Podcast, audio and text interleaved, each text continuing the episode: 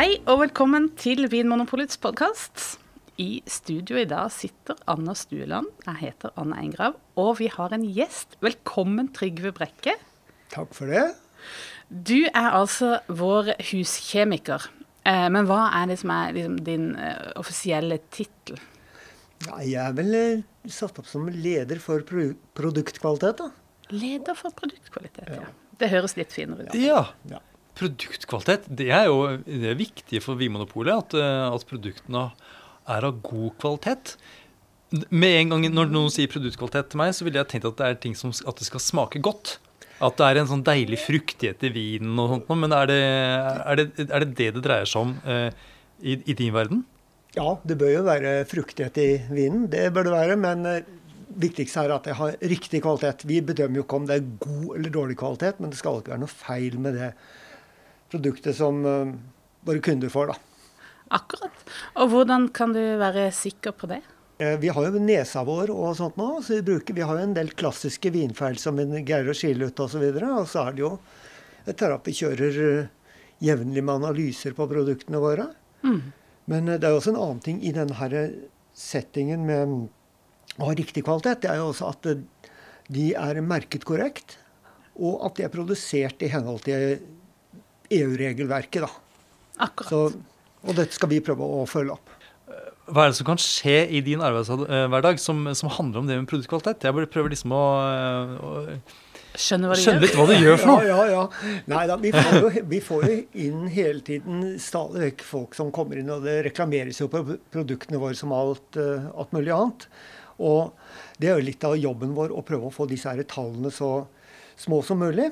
Og så er det veldig enkelt som har sagt at vi har altfor få reklamasjoner i, i forhold til annen eh, næringsmiddelindustri. Da. Ja, det har jeg hørt. At så, egentlig skulle man tro det var flere feil enn det det Men nei, eh, egentlig er det ikke det. For jeg tenker at disse produktene våre, det er i utgangspunktet er de fått rett behandling. Og så er dette her holdbare produkter som Så vi skal ikke ha altfor mye reklamasjoner, vi.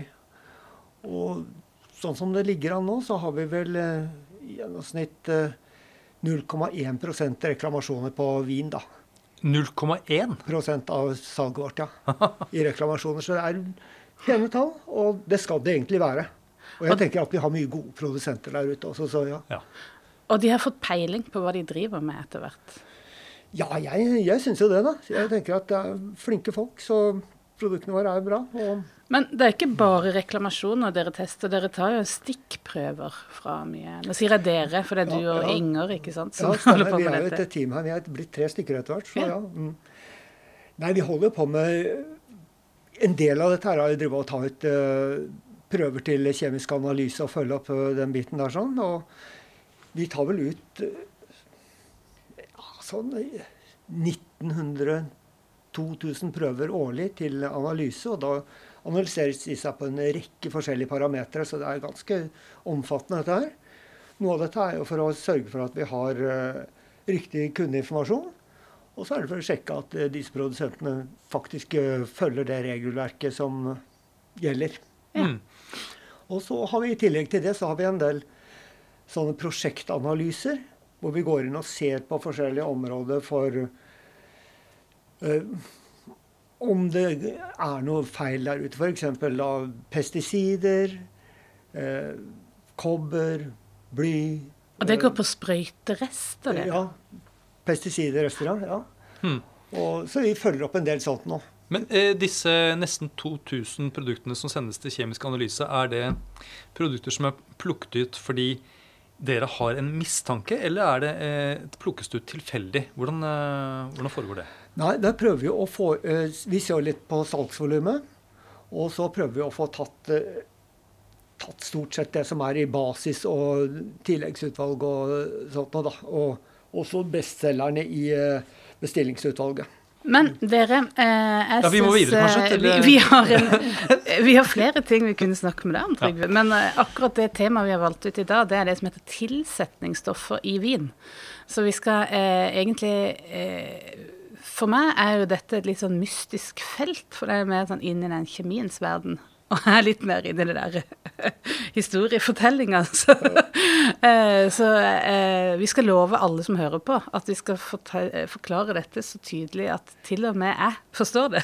da tror jeg de fleste forstår det. Eh, for mitt første spørsmål er Vin er jo gjæra druesaft. hva mener vi når vi sier tilsetningsstoffer i vin? Tilsetningsstoffer det er, jo, det er, jo, stoffer som har en sånn teknisk funksjon i vinen. da. Så, så de settes til, til vinen for å gi bedre holdbarhet, hindre oksidasjon, hindre bakterievekst osv.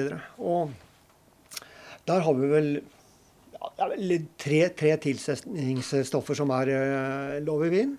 Det er sulfitt, askorbinsyre og sorbinsyre. Og askorbinsyre og sorbinsyre de brukes vel sjeldnere og sjeldnere, så det er liksom sulfitt som er, er uh, hovedtilsetningsstoffet. Ja. Men så hører jeg jo mange andre sånne uh, mystiske navn på stoffer. Men det er det du kaller hjelpestoffer. Og hva er, hva er, forskjellen på det? Hjelpestoffene de uh, fjernes jo fra produktet. De gjør en oppgave. altså fjernes de fra produktet, så de vil aldri være med over i en ferdig vin. Og der har de jo f.eks. Um, ja, ofte er jo dette noe som polymerer, så de bare felles jo ut. Er det for å rense vinen, eller for å klarne den, f.eks.? Ja, du har f.eks.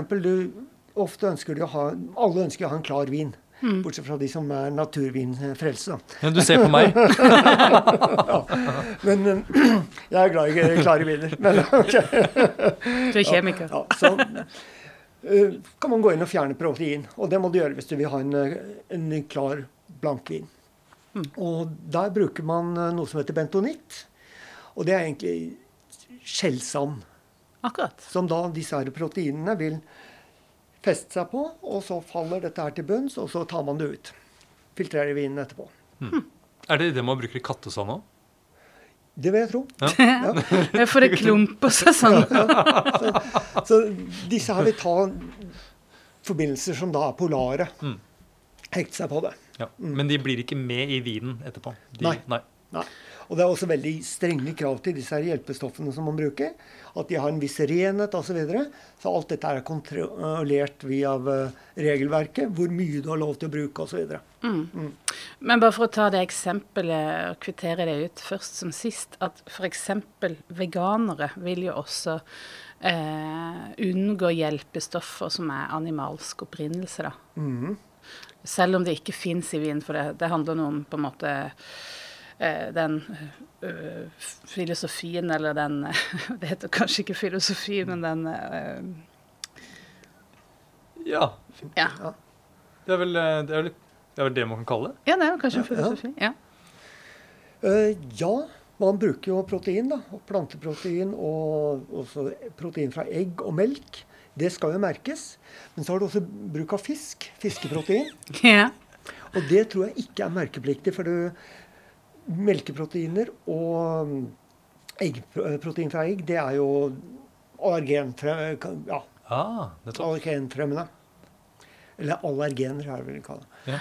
Så de er så, det merkepliktig. Akkurat så selv om det er et hjelpestoff, så må det merkes hvis det er brukt Ja, for du kan finne spormengder av dette her, men det er ørsmå mengder. og folk er jo ofte sensitive for dette her, langt under det som er sånn deteksjonsgrensen for analysene. Så det hjelper ikke å liksom analysere og si at disse er fri, men så har du fremdeles folk som kan være hypersensitive for dette her.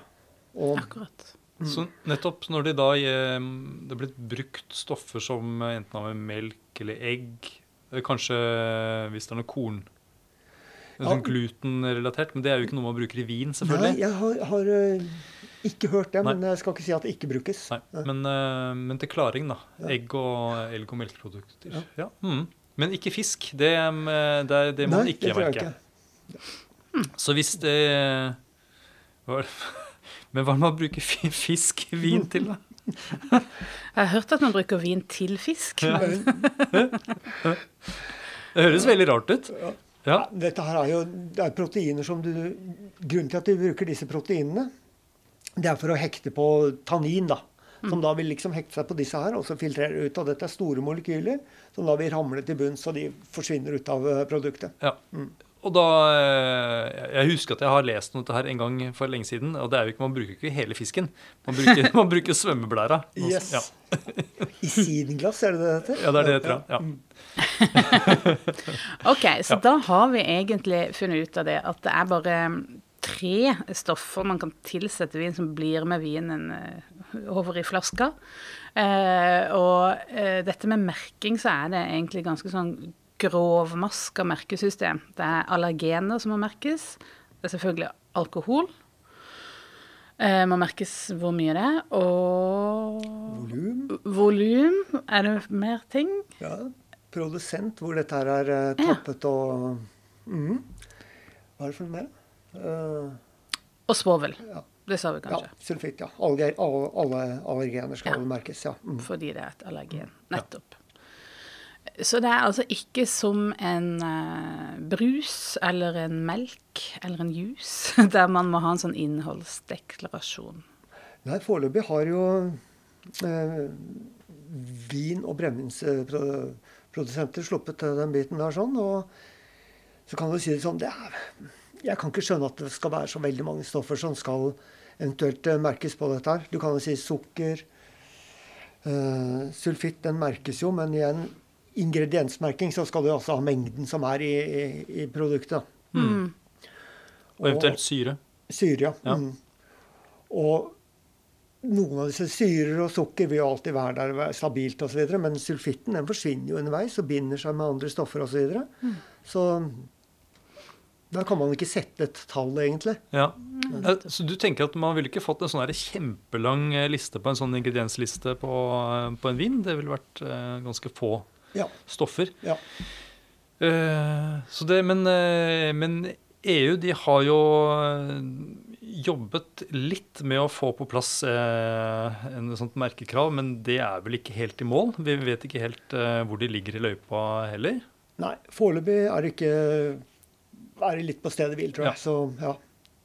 Og vi følger jo da EU og EØS-reglene. ja. Vi kan ikke lage noen egen, egne krav for eh, Norge. Det kan vi ikke. Ok, ja, men det er greit å vite. Eh, Da skal vi kanskje gå litt sånn inn i grøten, da.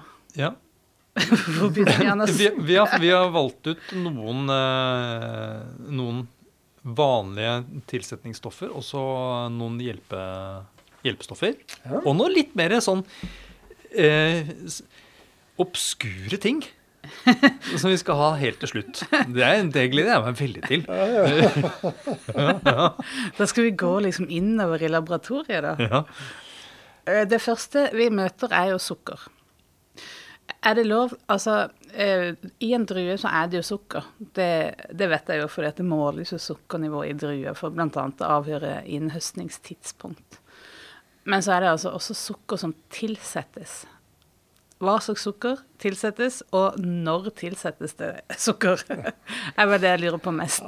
Ja. det er vel ofte det, det sukkeret du bruker, det skal jo være eh, konsentrert druemost. Dvs. Si at du har oppkonsentrert druesukker fra druer. Ja. Og det skal komme fra den eh, geografiske området som vindruene eller de druene du har brukt, kom fra. Så det er kravet. Mm. Og det er jo forskjell på da druesukker og det sukkeret som vi da får via rødsukker. Druesukker består av glukose og fruktose, og så har du da rødsukker som er sukrose. Så det er, det er forskjellige komponenter, ja. Mm. ja. Nettopp. Så det her er Her gir, tilsetter man da eventuelt eh, noe som det allerede finnes i druene. Eh, eller altså i, i mosten. Man bare liksom pumper det litt opp. Ja, du tilsetter sukker for, og ofte kan det være en må grei måte å Du løfter aromakomponentene litt. Grann, har en ja, litt sliten vin, så kan det være et godt tips å kjøre litt brunost oppi for å Ja. få den litt mer fruktig osv. Men eh, også runder det av litt. og ja, Men det sukkeret som da brukes, det er, kommer fra druer. Det skal komme fra druer, og det skal komme fra samme region som vinen er høstet. Og når er det det er vanlig å tilsette sukker da, i, under vinproduksjonen? Det er eh, ja, Jeg vil si ofte gjør man dette rett før tapping. Da tar du og justerer. For vinen ligger jo mye bedre på tank når den er tørr. Da har du ikke problemer med gjæring og ettergjæring osv. Så, videre. så dette gjøres rett før de tapper. Så tilsetter de det, det volumet de ønsker av sukker, og så Ja. tapper man. Og da, da gjør man det rett og slett for å, få, for å gi en liten søtsmak i vinen. Ja. Litt Eh. avhengig av jeg tenker Hvis det ligger på en seks gram, så får du ikke egentlig noe sødmefølelse av eh, vinen. Mens eh, når du begynner å nærme deg ti, ti gram osv., så, videre, så gir det en sånn god fylde, og man vil merke det. Ja.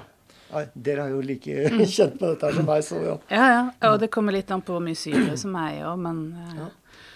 Med mye syre så kan man jo komme ganske høyt opp på sukkermengden før man merker det. egentlig. ja. Men det er også noen som tilsetter det før gjæringa for å rett og slett booste alkoholen. Kjøptalisering. Ja, ja. Men Mm. er det Etter klimaendringene, er det nødvendig noe sted? Ja, nei, det kommer litt an på det. Sør, Sørlandet muligens? Det er noen deler som fremdeles bruker det. Bruker Ja. du da druemost, eller er det Jeg har ikke kommet så langt ennå, egentlig. Jeg burde gjort det. Det burde du kanskje vurdere. Ja. Først få modne druer. Nei, men det, det, er- skjer vel eh, fremdeles at eh, vinen sjapitaliseres. Men da, selv om dette tilsettes konsentrert druemost, så, så vil ikke det være noe sukker igjen i vinen nødvendigvis. Fordi da kan jo vinen Ikke altså, etter den, gjæring, den, nei. den kan jo gjære helt tørt, selv om Mm. ja, Fordi du da tilsetter dette sukkeret før gjæringen. Nettopp. Ja.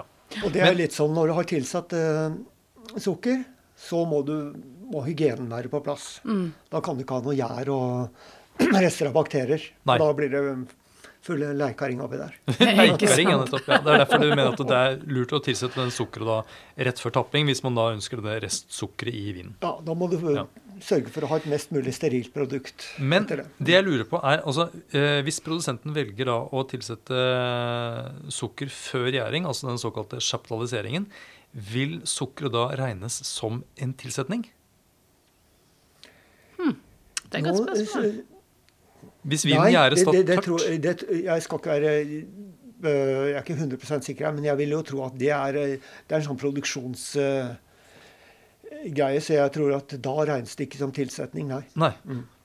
For da kan du heller ikke her er jeg måle ikke, her er jeg ikke helt Nei. sikker, altså. Så, ja. Men det, kan, ja, det er jo ikke noe som kan måles i etterkant. For det er jo gjerne dette her sukkeret man tilsetter før, øh, nei, etter at øh, Eller rett før vinen skal øh, på markedet. Det er jo ofte da man liksom regner som et, øh, en tilsetning. Ja. Og i mange vinlover rundt forbi så er jo sukkermengde en del av regelverket. Både ved innhøstning og ved underveis i produksjonen. Så det fins jo sånn på kvalitetsvin da, ofte eh, eh, detaljerte eh, beskrivinger på hvordan dette skal gjøres. Og så kan vi jo nevne det at eh, hvis du eh, av en eller annen grunn eh, er veldig interessert i hvor mye sukker det er i vinen, så eh, finnes det Du kan gå inn på hvert enkelt produkt på nettsiden vår, og der finner du eh, sukkermengde, eh, gram per liter. Og det samme gjelder hylleforkanten. Der også finner du noe om sukker. Helt nederst til høyre, er det vel? Eller? Mm, stemmer det. Mm. Ja. Dette oppdateres da jevnlig via analyser og ja, fra Så det kan vi være trygge på. Mm. Ja. Og, og så er det dette her eh, litt mer mystiske askorbinsyre- og sorbinsyrepunktet vi har tatt med.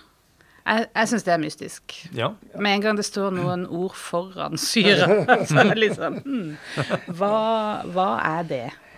Askorbinsyre det er jo en antioksidant. Ja. Så hvor mye det brukes nå, det vet jeg ikke. Men igjen så har du da et regelverk som sier hvor mye du har lov til å tilsette osv. Nå skal jeg ikke hoste opp det tallet akkurat nå, men Nei, jeg tror jeg et eh, Ja, nei, glem det. Jeg husker ikke tallet her. Men det er noen begrensninger der sånn. Men dette her er ting som brukes mindre og mindre, altså. Og det er eh, igjen Sulfitten gjør veldig mange av disse oppgavene. Og så har det vel vært noen sånne undersøkelser som da eh, har en sånn link mellom askorbinsyre og sånne bruningsreaksjoner i hvitvin. Ah, ja. Hvorvidt dette her er eh, tilfellet, vet jeg ikke. Så, men iallfall, det er vel litt på vei ut. Eh, og, så det handler ikke om syrligheten i vinen, det handler rett og slett om holdbarhet? Askorbinsyre, C-vitamin, det, har med, det er en uh, antioksidant. Så den Akkurat. fjerner både radikalt hydrogen og Nei, oksygen, mener jeg, og molekylært oksygen. Da så. Ja, der, der, der falt jeg også litt Altså radikalt oksygen. Det er når oksygenmolekylet er splittet opp, eller henger eh, i to og to sammen, O2. Og når de da bryter disse bindingene og ligger som enkle oksygenmolekyler, så har de et fritt, eh, nei, et eh, løst elektron, Ja, som da gjør at de blir veldig reaktive. nettopp. Og da er de, da er de radikale. Ja. Nettopp. Eh, og da er det liksom lettere for oss å gjøre u ugagn, på en måte, oksidere. For det er jo mange vinprodusenter som ikke ønsker at vin skal oksidere. Ja, Ja. det er jo det. Og du nevnte jo også sorbinsyre. Der er det jo en øh, øh, Det er jo øh, noe man bruker for å hindre vekst av gjær. Ja. Men den har jo en del uheldige bivirkninger. Hvis du da har bakterier i bakgrunnen der, så kan de omdanne denne her opp til noe som er, heter øh, etoxyhexadien, tror jeg det er. Ja. Og det er det som kalles, kalles geranium i Å ja! Den vinfeilen som heter geranium. Ja. Å, ja. Og, det, ja. og det er sikkert, det er, nå snakker vi da om eh, blomsten eller planten, en vanlig potteplante, eh, geranium. Ja. Hvis man gnir på, på bladene til geranium, så kommer det en litt sånn spesiell lukt som jeg nesten tenker på som minner mer om sånn svidd kretskort, eller eh, når noen har stått Ja. og brukt vinkelsliper eller noe. Det er en sånn pussig lukt. Det er sånn Ja. jordlig Så- grønn. Og igjen så er jo den en Det er vel en sånn um, et tilsetningsstoff som er på vei ut og brukes veldig lite i vinindustrien. Og da sitter du igjen med ett, og det er sulfitten, da. Ja, så, ja, nettopp. Så det er pga. faren for at man får en sånn der uønsket aroma i vinen hvis det er melkesyrebakterier til stede, så, så prøver man å kutte ut da eh, sorbinsyre. Ja, Ja. det Ja, stemmer. Ascorbinsyre, det, dere sa det kanskje i stad, er det det samme som vitamin C? Det stemmer. stemmer ja. Ja. Det høres ikke så gærent ut. Nei da. Så, Men så kommer vi til selve hovedtilsetningsstoffet. Ja. Det som veldig mange er opptatt av. Jeg kaller det svovel, men jeg legger merke til at du kaller det sulfitt. Det er sikkert et mer sånn korrekt Ja. ja, det, måte å si det, er, det er sulfitt, og den foreligger jo i tre, tre forskjellige faser. da. Ah, ja. Litt avhengig av pH og sånt noe, men det er sulfitten, SO2, som da er den reaktive komponenten. Akkurat. Og den tar da knekken på bakterier, den tar knekken på gjær, og den tar også og fanger opp uh, oksygen. De rad radikale oksygenene. Både radikale og, og molekylært. Nettopp. Den Ja. tar begge deler. Så det er jo et veldig godt uh, tilsetningsstoff. Altså, så ja. mm. Den er egentlig løsninga på det meste, virker det som. Sånn der, ja, alle mulige slags infeksjoner kan på en måte stoppes med svovel. ja ø, samtidig så må du liksom ha litt kontroll på produktet ditt. Den, den i kombinasjon med filtrering og stabilisering osv. Det, det, er en- det er en sammenheng der. Du kan ikke bare pøse på Nei. sulfitt, for det, der er det også klare grenseverdier for hvor mye du har lov til å ha. Ja, nettopp. Ja. Og det er mulig å måle i etterkant. Det er måler vi, ja, for der har du noe som heter fri og totalsulfitt. Mhm. Og totalsulfitten, den er da liksom eh, Fasiten er på hvor mye du har hatt oppi. Ja. Den frie sulfitten den vil jo eh, ramle, men så har du fremdeles eh, den totalsulfitten, som da kan fortelle deg hvor mye du i utgangspunktet hadde oppi Ja. vinen din. nettopp. Men, hvis Den man, lyver ikke. men den frie sulfitten er da den sulfitten som, som er som klar for å fange opp oksygen, f.eks. Ja. Den som kan eh, fremdeles eh, ha armene fri til å gjøre en jobb. ja. Ja. Mm. Og ta seg av Ja. bakteriene De andre sulfittene de har liksom bundet seg fast. De henger fast i, i andre molekyler. Mm. Og De er opptatt. Men går det an å måle den totale sulfitten? den måles, ja. Den kan måles Ja. etter den har bundet seg til andre ting? Ja, ja, det, ja. Ok. Eh, og, og sulfitt er jo noe som eh, folk har brukt i vinproduksjon i mange, mange hundre år. Romerne tror jeg var eh, De oppdaget Allerede de gamle. Allerede de gamle romerne hadde funnet ut at sulfitt var, um, var bra. Så det er jo ikke noe som er um, bare moderne vinmaking å holde på med. Men når er det man bruker sulfitten? Når er det Vi har snakket om at sukker kunne brukes liksom rett før tapping og Det brukes vel litt under produksjonen, men så er det jo rett før vi tapper, så stabiliserer du med sulfitt og sånt. Og, så, og, og da er det du liksom har eh, disse grensene for hvor mye du har lov til å tilsette og ja. Nettopp. ja. Da er det totalregnskapet gjøres opp rett før tapping. Ja. Altså. så Mm. tar det siste knekket. Og så er det litt avhengig av hvilken, hva slags vin dette her er, og hvor mye sukker det er i den osv. Så, videre, så har du forskjellige mengder du kan tilsette. Ja, for du kan tilsette mer sulfitt jo søtere vinen er. Ja, det er vel tre sånne øh, øh, nivåer her. Du har da For en tørr rødvin så er det 150 mg per liter. Total. To- Totalsulfitt, ja. Mm. Og så går det jo helt opp til 300 mg for sånne søte dessertviner osv. Ja. Jo mer sukker du har, jo, er det å få, eller jo lettere er det for å få en ny gjæring på gang i flaskene. Så du må liksom ha en buffer for å ta seg av dette her. Og de røde vinene trenger minst fordi det er sånn Er det pga. antioksidanter i, i fargen? Det er vel tannin øh, Ja. Tannin. fungerer vel sånn, sånn litt øh, bremser på gjær- og bakterievekst også, tror jeg. Så det er gjerne litt mer Du tillater litt mer sulfitt i øh, hvitvin og rosévin, så ja. Jeg tror tannin har en effekt der. Mm. Og så er det vel et eget regelverk for eh, økologisk produsert vin også i EU. Der har vel liksom, de har enda lavere grenser for, for Ja. har de ikke det? Der tror jeg den frie er på 100. Nettopp. Nei, eller totale sulfitten er på 100 mg per liter, Mm. så litt under. Men selv de økologiske bruker jo sulfitt, og jeg tenker at det er en grei sak. Da får du et vin, en vin som er uh, mer holdbar, mer stabil, Mm. lengre Eh, levetid. Ja. Mm. ikke sant? Er det mm, Hvis det er for mye sulfitt i vinen, Mm. hvordan kan man merke det på noen måte? Eh, dette her er jo litt anekdotisk. Jeg sk det er ikke vitenskapen som snakker nå, men jeg mener at man kan det for at det liksom lukker vin. Det er jo en grunn til at man ikke pøser på, som du sier. Én ting er det at det er vel kanskje noe øh, helse inn i bildet òg, men også kvaliteten på vinen. At det på en måte øh, Frukten bare lukker seg helt sammen. Og så kan man vel, innbiller jeg meg, få en sånn liten eim av sånn brent fyrstikk. Hva, hva tenker du, Anders? Nei, eh, det, det har hendt eh, at jeg lukta gjennom en serie med, med, med viner. Og spesielt altså Noen ganger så kan, det, kan man få sånn preparerte prøver. Altså når eh, viner sendes som bare sånne testprøver, mm. så, så tror jeg de svovles litt mer sånn for hånd. Og noen ganger så kan jeg merke at det, at det svir litt i nesa når jeg tar liksom en sniff. Mm. Ja, da er det mye. Kan det, er det, henger det på greip, Trygve?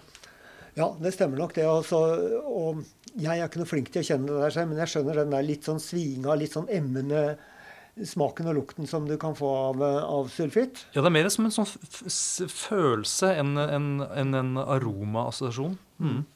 Men den der mm, brente fyrstikken det er ofte en helt annen type forvillelser. Det er noe som vi kaller mercataner og disulfider.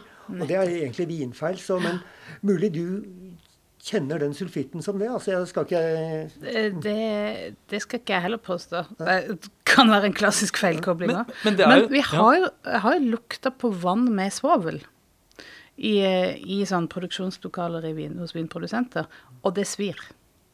Ja, nettopp. Det svir. Når det er høy konsentrasjon av svovel. For de bruker det jo også de har, Jeg har vært på steder der de har hatt en bøtte, eh, stor bøtte med vann med svovel. Liksom de renser produktene også, eh, altså ikke produktene, men redskapene. Men Er det svovel vi snakker om da, eller er det sulfitt? Ah, det er et pulver. Ja, svovel er også et pulver. Ah ja, okay. Ja, men jeg vil tro svovel lukter mer enn Ja, for det um, oste, ja, og det virkelig reiv i nesa. ja. Så Men det er jo mm, Det har vært i hvert fall mye snakk om svoveltilsetning i vin. Eh, og i og med at liksom, naturvin og sånt har kommet på scenen. og de, Naturvinprodusentene de er veldig forsiktige med svovelbruk, og noen bruker ikke svovel i det hele tatt. Som er veldig risikabelt uh, noen ganger. Uh, men um, så, sier, så var dere nå inne på at det er noen ganger så kan man lukte noe som lukter sånn, som sånne svovelforbindelser. Eh, Mm. Brent fyrstikk, kokt kål, altså nå som er fårikålsesongen, så er det noe som sikkert flere kjenner til. Eller sånn, sånn, sånn brent hår, gummi, noen ganger sånn eh, kokt egg eller kloakk. Altså det er mange sånne aromaer som kan dukke opp i vin, som har noe med svovelforbindelse å gjøre. Mm. Men henger det sammen med tilsetning av sulfitt? Nei. Det er, eh, det er gjerne bakterievekst, hvor du da har nedbryting av eh, eh, svovelholdige aminosyrer. Så det er liksom ofte årsaken til det. Så det er, de er Svovel den hindrer den veksten av disse bakteriene. Nettopp. Eller sulfitt, mener jeg. Så- Ja, det er for lite svovel, rett og slett. Ja, fordi her har snakket med. ja, ja, ja. nei, jeg bare tenker jo liksom, Dette velger man å produsere eller lage en, tappe en vin uten bruk av sulfitt. Da krever det ekstremt uh, ja, Det har du ekstreme hygienekrav, altså. Og fordi- vanskelig, Ja. rett og slett. Ja, for disse aromaene som vi snakket om nå, det er noe som jeg forbinder med det som jeg kaller reduktive viner. Ja. Eh, og da er det sånn at det, det har vært lite oksygen tilgjengelig, spesielt under gjæringen. sånn at vi, Det blir en sånn type gjærstress, ikke sant? Ja. Eller er jeg, nå, du, nå smiler du lurt. Er, er, er, jeg på, er liker jeg på bare ikke helt det der reduktive Nei, fordi du er kjemiker, så du tenker at det redu- reduktiv og oksudativ det handler om på en måte kjemiske reaksjoner, og ikke en aroma eller en, eh, en tilstand vinen er i. Nei, for du har, Ja. du har nemlig Årsaken til dette er reduktivt. Det var jo at uh, man fant jo disse her luktene i um, viner som var flaske, uh, korket med skrukapsel. Og der, som du sier, reduktive tilstander. Men poenget er at da holder du disulfider, som i disse reduktive um, forholdene ble spaltet opp i to. Og da fikk du merkaptaner. Og disse merkaptanene har 20 ganger eh, høyere sånn, eh, eller lavere luktterskel. Da. Og når du da får to stykker av dem, så får du en sånn, denne reduktive eh, kållukta. Ja. Mens eh, poenget her er at det gjelder bare for den situasjonen der. Og alle disse komponentene, både disulfidene og disse merkaptanene, de har jo da en sånn eh, illeluktende sak som Men noen av de er, er i oksidert tilstand, mens de verste er i redusert tilstand. Så det du sier, er at uh, disse eh, svovelaromaene jeg kjenner, de uh, kan være en, uh, et resultat av både en oksidativ og en reduktiv prosess. De er både i en oksidativ eh, tilstand og en reduktiv Ja, tilstand. akkurat. Så derfor er det litt sånn Det er litt unøyaktig, da. Men OK, ja. I, i vinspråket her så vet vi hva vi snakker om. Ja. Eller skjønner betydningen av det. Men, Men, men uansett så, eh, så dukker disse aromaene opp ikke fordi det er tilsatt mer svovel i vinen, men fordi det har vært Altså det, det fins da svovel i bundet form i, naturlig i druemosten. Og så gjennom mange prosesser så kan dette ende opp som eh, aromakomponenter. Som, eh, som lukter liksom svovelaktig. Og Ja. fordi det er, svovel er en del av disse molekylene. ja, du har en del aminosyrer, og så har du også sånn elementært svovel som du bruker på vinmarken osv. Mm, Det kan ja. også komme inn, og da har du visse bakterier som greier å bryte Ja. ned den også og få Nettopp. ja, Og det er den eh, elementære svovelen som du sier, som du tror de hadde i dette vannet for å vaske redskaper. Jeg er litt usikker på det vannet, så jeg skal ikke uttale Ja, meg, uttale meg om det. Men ofte er det vel De bruker vel en sånn løsning av elementært svovel der, tror jeg. Men eh, jeg skriver Ja, Kan- Når vi da først har en kjemiker i studio ja, for dette er jo litt oppklart. Ja, det er veldig det. Eh, Jeg har også notert ned sulfat.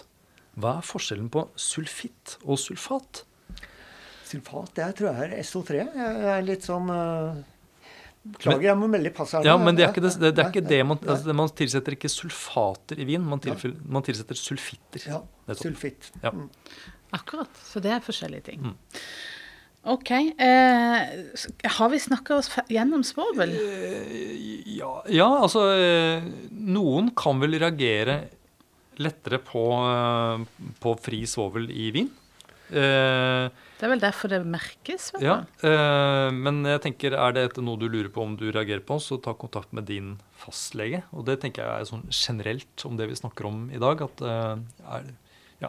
Ja, er, du, er du allergisk mot uh, svovel, så bør du vel holde deg unna av uh, vin og sider og alt dette er sånn, Ja. som da er tilsatt. Med mindre det ikke er tilsatt, da. Men det er svært få produsenter som Ja. Tar den sjansen i dag. Ja. Eh, men det må jo også sies at eh, akkurat som vi snakka om askorbinsyre og sorbinsyre, så er jo også svovel eller sulfitt da. Nå ble jeg plutselig mye brukt i andre Altså konservering av andre matvarer. Sånn tørka frukt har jeg sett. Det ligger kjempehøyt. Tørka aprikos. Ja. Det er en grunn til at de er oransje og ikke svarte. Faktisk. Det er sant. Mm. Eh, ja, og så har vi et lite punkt eh, igjen, og det er jo da, altså ikke eh, Ikke det vi kaller tilsetningsstoff, men det vi kaller hjelpestoffer, som blir borte. Og det er det vi har allerede vært inne på, det er proteiner. Eh, og, og er Du har jo egentlig nevnt allerede, Trygve, men det brukes litt ulike former for proteiner, gjerne for klaring av vin. Det er det som er hensikten med det. Ja, da, eh, når du bruker protein, så er det for å fjerne garvestoffer. Og få kanskje en balanse på vinen der sånn. Er det mye garvestoffer, så kan du hente ut dette her ved hjelp av eh, proteiner. Ulike, og da er det egg og melk eh, og eh, fiskeprotein. da. Eventuelt så kan du bruke en annen polymer som heter PVPP. Ja. Polyvinyl mm, poly... Ja, nei, glem det. PVP. Du kunne, du kunne nesten sagt hva som helst. Ja. Jeg hadde, jeg hadde Jeg hadde benytta sjansen hvis jeg var det. Ja, ja, ja. Vinylpyrolidon, der hadde vi Ja, ja, det Ja, det er imponerende. Ja. Så, men det er en sånn igjen en svær uh, syntetisk polymer som Ja. man putter i, så hekter de seg på, filtrerer det bort, og så er du kvitt uh, garvestoffer. Men eh, vil det si at garvestoffer er et protein? Binder protein seg bare til protein, eller er det andre ting? Liksom? Nei, her er det mm, de aktive stoffene i garvestoffer, og er gjerne hydroksylgrupper. De vil da binde seg til protein og den polymeren. Så de vil kobles eh, sammen, og så kan du dra de ut. Ja, med tyngdekraft. Nesten som eh, man skal se for sånn, sånn Brio-leketog. Yep, altså se for at eh, Legoklosser, ja. ja, at, tanninene har på en måte noen sånne eh, magnetiske ender. Går litt på ladning, ladningsforskjeller og liksom pluss-minus. Så Som- hekter de seg på. Og så kommer da proteintoget bort, og så eh, sånn, Dette bildet ser jeg faktisk for meg. Ja. Og så kan det bli litt sånne lange kjeder, og da er de, kan de filtreres ut. Ja, du kan si det sånn at på denne polymeren som du hiver oppi, da, og disse proteinene er ofte en polymer, de også, så er det sånne aktive grupper som er plassert rundt omkring, som da kan koble seg til disse hydroksylgruppene som de finner på tanniner. Mm. Nå så sitter sitter de godt Ja. der, og så blir de dratt ut. Jeg må bare si at Trygve nå sitter han da og så nå gestikulerer med armene. Han på en måte sitter med proteiner oppi lufta og klasker de sammen. Ja, jeg ser det for meg. Det er veldig bra. Ja. Men så har vi det som heter enzymer. Og det er jo for meg litt sånn eh, mystisk. Eh, et enzym er ikke noe som eh, gjør noe på egen hånd, men som får andre ting til å skje, har jeg forklart det for meg sjøl. Mange bedrifter søker jo etter enzymer. Ja, Er du et eh, løsningsorientert enzym, da trenger vi deg.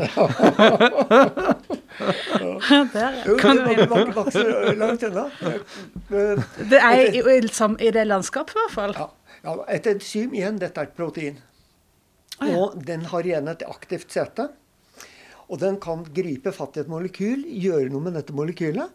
Slipper den tak i det, og så liksom regenereres den, og så tar den tak i et nytt et. Så det betyr at disse enzymene kan gjøre samme oppgaven mange, mange, mange ganger. ganger. Så derfor trenger du også små mengder av det. Akkurat, så det slipper tak når jobben er gjort, og, Og begynner på nytt. på en ny. Ja. Sånn type Kirsten Giftekniv i kjemiens verden. ja. Det på en måte fører, eh, fører eh, stoffene sammen, og så eh, vandrer videre. Ja, Nå har du mange fine bilder. Syns av det? Stemmer. Og hva slags, hva, hva slags eh, reaksjoner, eller hva er det man ønsker at enzymer skal eh, kunne bidra med i vinproduksjon? da? Det er vel eh, det har, det er vel bruk av fire forskjellige enzymer i vin, vinbransjen. Da har du noe som heter glykoksidase. Okay. Og den tar og um, eh, klipper opp eh, eh, nei, glykogenmolekyler som da ellers ville felles ut og gi en sånn der sløret vin osv. Ah, ja, så det er for å unngå at, at vin blir sånn tåkete? Du, beklager. Nå var jeg litt rask ute her. Ja. Glykoksidase den tar og binder bryter over bindingen mellom eh, glukosemolekyler og andre molekyler, som ofte terpener osv. Mhm. Klipper de bindingene, og det som skjer da, er at du får frigitt terpener, som er disse aromastoffene som jeg er veldig glad i i Riesling bl.a. Ja. Så får du frigjort mer av dette her sånn. Så det har den effekten der. Nettopp. Så det er et hjelpemiddel som vinmakeren bruker for å få mer av den derre deilige, nesten sånn blomsteraktige og og- sitrusaktige lukten man får da i. Riesling, muscatell og sånt noe. Nettopp for å få litt mer piff i vinen. Alternativet kunne man gjort det ved å varme opp vinen, eller varme opp mosten. Men da får du andre bieffekter. Så den er veldig spesifikk. Går inn, klipper disse bitene her, og så får du frigjort aroma. Ja. Og da- det, det gjøres etter gjæring, ikke sant? Det kan vel Ja, jeg vil tro at det gjøres etter gjæringen. Jeg skal være litt sånn usikker hvor de setter, setter, tilsetter dette her, så Men det var et eh, veldig fint eh, hjelpemiddel, da. Kanskje jeg skulle hatt det i min Riesling. ja, du får prøve. Jo, men den, de, er, de er veldig spesifikke på hva de gjør. Altså, Ja. Det er ofte disse her enzymene. ja, så de har gjerne én jobb å gjøre som de kan bare ja. mm. Så da er det, det ikke- Vet du om det er mye brukt? For du, kan ikke, du har ikke noen mulighet for å måle det uansett, så det at du Nei. kan jo ikke disse sette noe tall på dette. Og under proteinutfellingen så vil disse enzymene også falle ut. Mm. Og i utgangspunktet så er det jo svært få mengder, eller små mengder av dette. Ja. Og så fins det vel gjærtyper også som, eh, er, som er dyrket fram for å også skape en sånn økt fruktighet i vin. Og det er vel også fordi jern har jo også enzymer eh, i seg som, kan, som gjør den samme prosessen. Ja, Ja. så stemmer. Så man må, det går an å få en lignende effekt, kan man vel si, eh, uten å tilsette òg. Men det er enzymer som er nøkkelen til det, til det hele. Sikkert Ja. eh, de, de rette gjærstammene brukes jo også veldig aktivt. da. Så det, men enzymer kan også være en god eh, Men, luk, god- ja. Men lukten av sånne blomster og sitrus, det er ikke lukten av enzymer. Det er liksom lukten av stoffer som kommer fra druene, og gjerne drueskallet. ikke sant? Ja. Ja. Den der gruppen som heter terpener, Mm. som ofte er dessverre bundet til disse her, eh, sukkermolekylene. Og da vil du ikke kjenne lukta av disse. her. Da er de ikke flyktige. Akkurat. Så du må klippe bindingen, og da blir de, kommer det i en sånn flyktig tilstand. Ja, for det er et annet eh, begrep som ofte dukker opp, som jeg tror brukes litt upresist. Og det er det her med flyktig og ikke flyktig. For når du sier at noe er flyktig, så betyr det bare at du kan lukte det, ikke sant? Ja, det er, ofte er det jo må det, det fordamper. Ja, så det er noe det som fordamper. ja. Blir For det- molekylene veldig svære og tunge, så har de lavere damptrykk, og da vil du som regel ikke kjenne så mye til de. Så når man snakker om flyktige syrer, som noen gjør, da, eh, da handler det egentlig om Det er én syre. Det er eddiksyre. Vi har ikke, noe mer flyk, vi har ikke flere flyktige syrer i vin. Nei, de andre er ikke flyktige. De uh, ligger som Så man kan øh, like gjerne si eddik, Ja. egentlig. Mm. Eh, OK, eh, da Men vi har jo flere av de. da. Det er jo du har pektinase. Å oh, ja, det er er mer er enzym- Ja, kom igjen! Åpne enzymboksen! Kom med enzymene! Nå er jeg, ja, for vi, var, vi har jo egentlig Ja, forstått det. Så det er Ja. god gang her. Ja. Eh, Men pektinase, det, den I druene så har du pektin. Dette her er et eh, sånn polysakkarid som da vil ligge og igjen gi uklarhet i vinen. Og her kommer dette enzymet, klipper dette her opp i gode, eller passende biter, så at det da enten blir løselig eller fjernes fra Eller ja. Ofte blir det i løsning i vinen, da. Ja. Ja, Sånn at vinen blir klar. Ja. Kan det klippes opp til å bli gjærbart sukker, eller er det Nå er jeg litt usikker på hvilken Nei, jeg tror pektin, eh, pektin har, er, blitt blir klippet opp til ufermenterbare sukker. nettopp? Ja. Noen tilsetter jo pektin til eh, syltetøyet sitt. Ja. Eh, ja, Et, Da blir det så tykt og fint. Kirsebærsyltetøy Ja. trenger litt ekstra. Men, det, men med vin så ønsker man ikke den, den tykt flytende effekten. Da. Nei, eh, vingelé. Sånn, ja. Mm. Ja.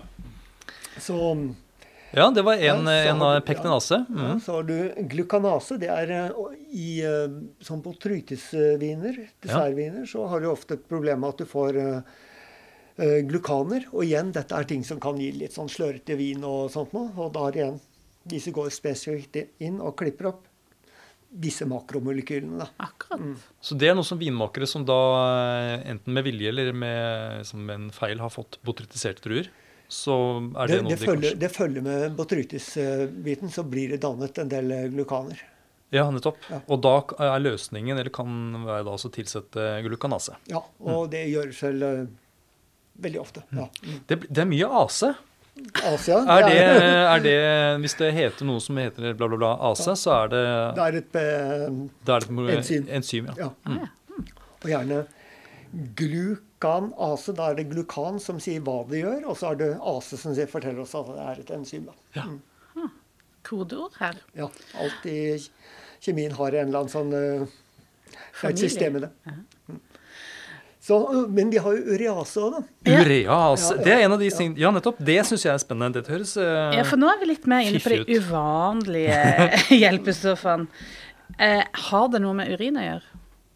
Ja, det har jo det. For um, Jeg liker For- ikke å spørre om det. Men igjen uh, u, Enzymer er ikke Ja, ja, det er hjelpestoffer, ja. ja det er helt enig. Um, det er for å fjerne urea. Og urea er, brukes som sånn eh, jernæringsstoff under eh, nitrogenkilde når du skal få i gang gjæringen. Og du har også en del eh, gjærceller som produserer urea under, under gjæringen. Så, så det kan dannes på to måter. Og, og det som er problemet med urea, det kan da omdannes til eh, å, Skal vi se, nå må jeg bare sjekke. her. Etylkarbamat er det. Ja. Etylkarbamat, ja. Ja.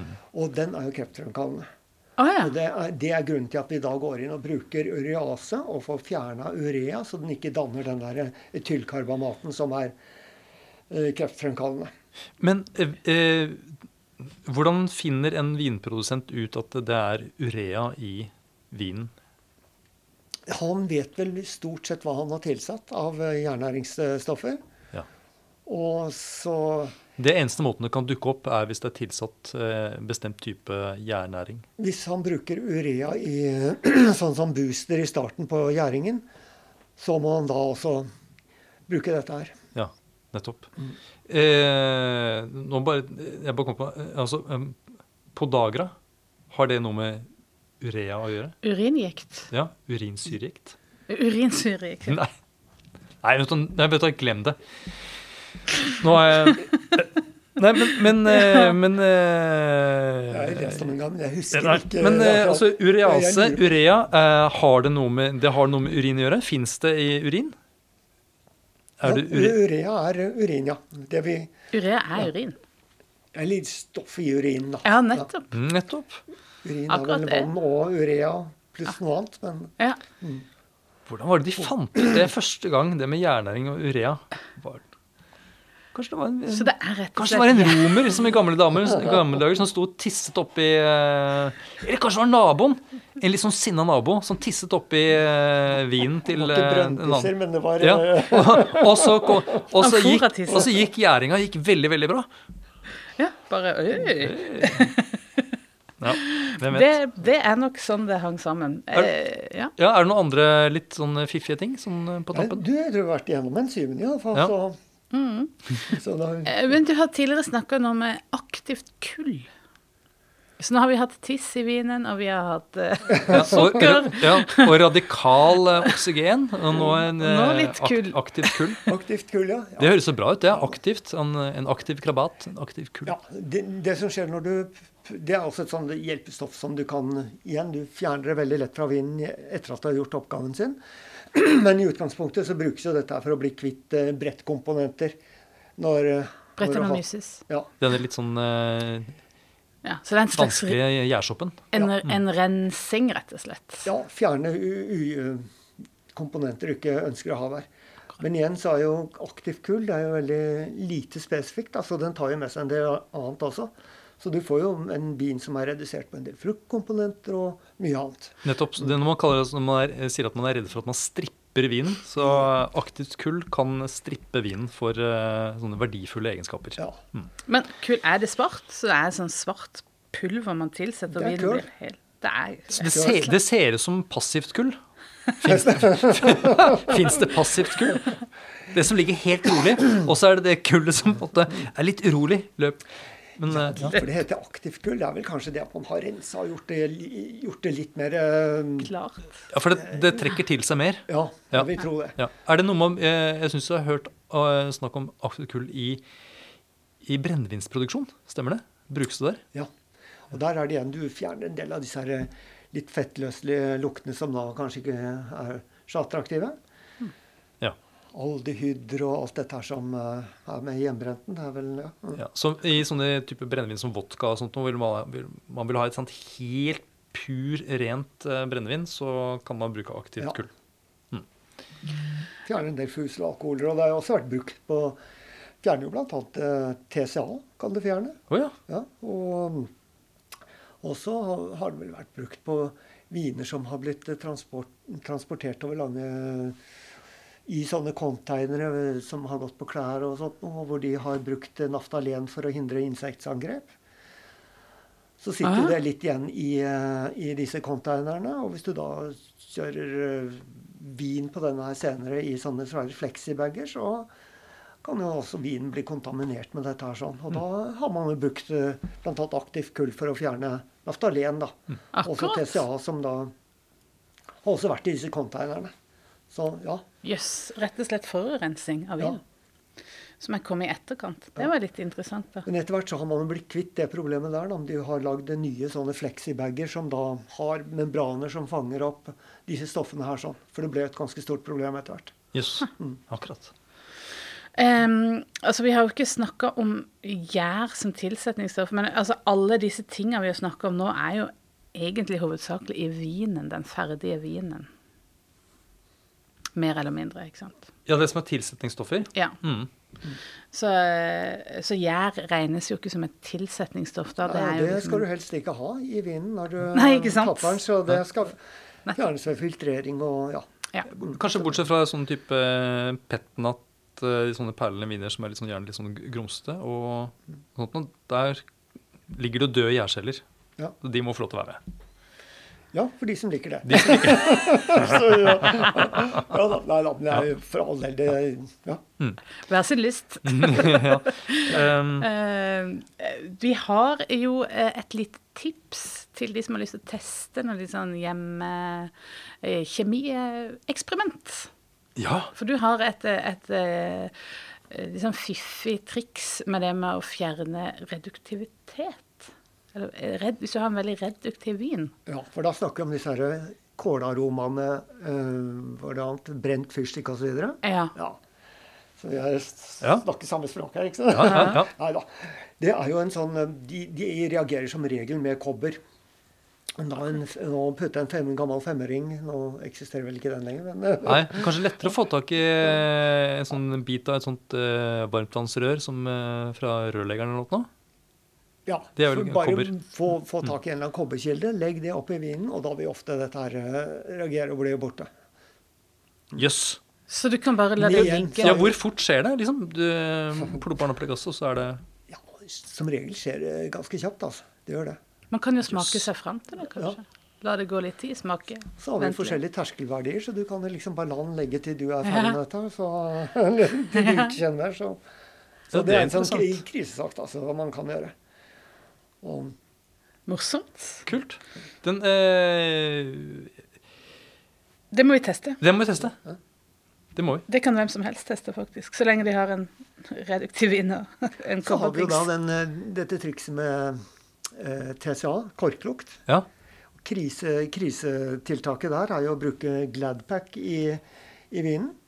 Denne plastfolien som du bruker rundt mat. Putt litt av den oppi. Så vil jo da denne eh, TCA-en den vil løse seg, eller korklukta vil løse seg i plassen, Og så kan du dra det ut, og så har du en da Tuller det? Funker det? Det funker faktisk. Wow. Men Wow. igjen, igjen så tar du med deg litt annet. Altså, du Ja, men er som, eh, men er du på fjellet og det det er krise, så har du iallfall den muligheten. Det er jo helt utrolig. Jeg tenker på dette her fenomenet med, med som en del snakker om nå, snikkork. Altså hvor du ikke kjenner en tydelig TCA-aroma, men uh, noen mener at det gjør at vinen er litt sånn redusert i fruktigheten.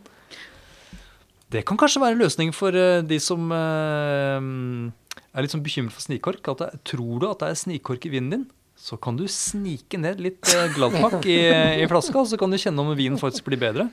Det er veldig mye morsomt man kan teste. i hvert fall. Det er jo faktisk noe vi kan teste her. Jeg har ikke svar på det her nå. Så. Jeg tror vi er kommet til veis ende. Eh, Trygve, tusen takk for at du kom. Vi kommer til å spørre deg om mye mer i fremtida også. Takk for at du hører på Vinmonopolets podkast. Har du forslag til et tema i podkasten? Send mail til podkast at vinmonopolet.no. I tillegg svarer kundesenteret deg på e-post, chat og telefon.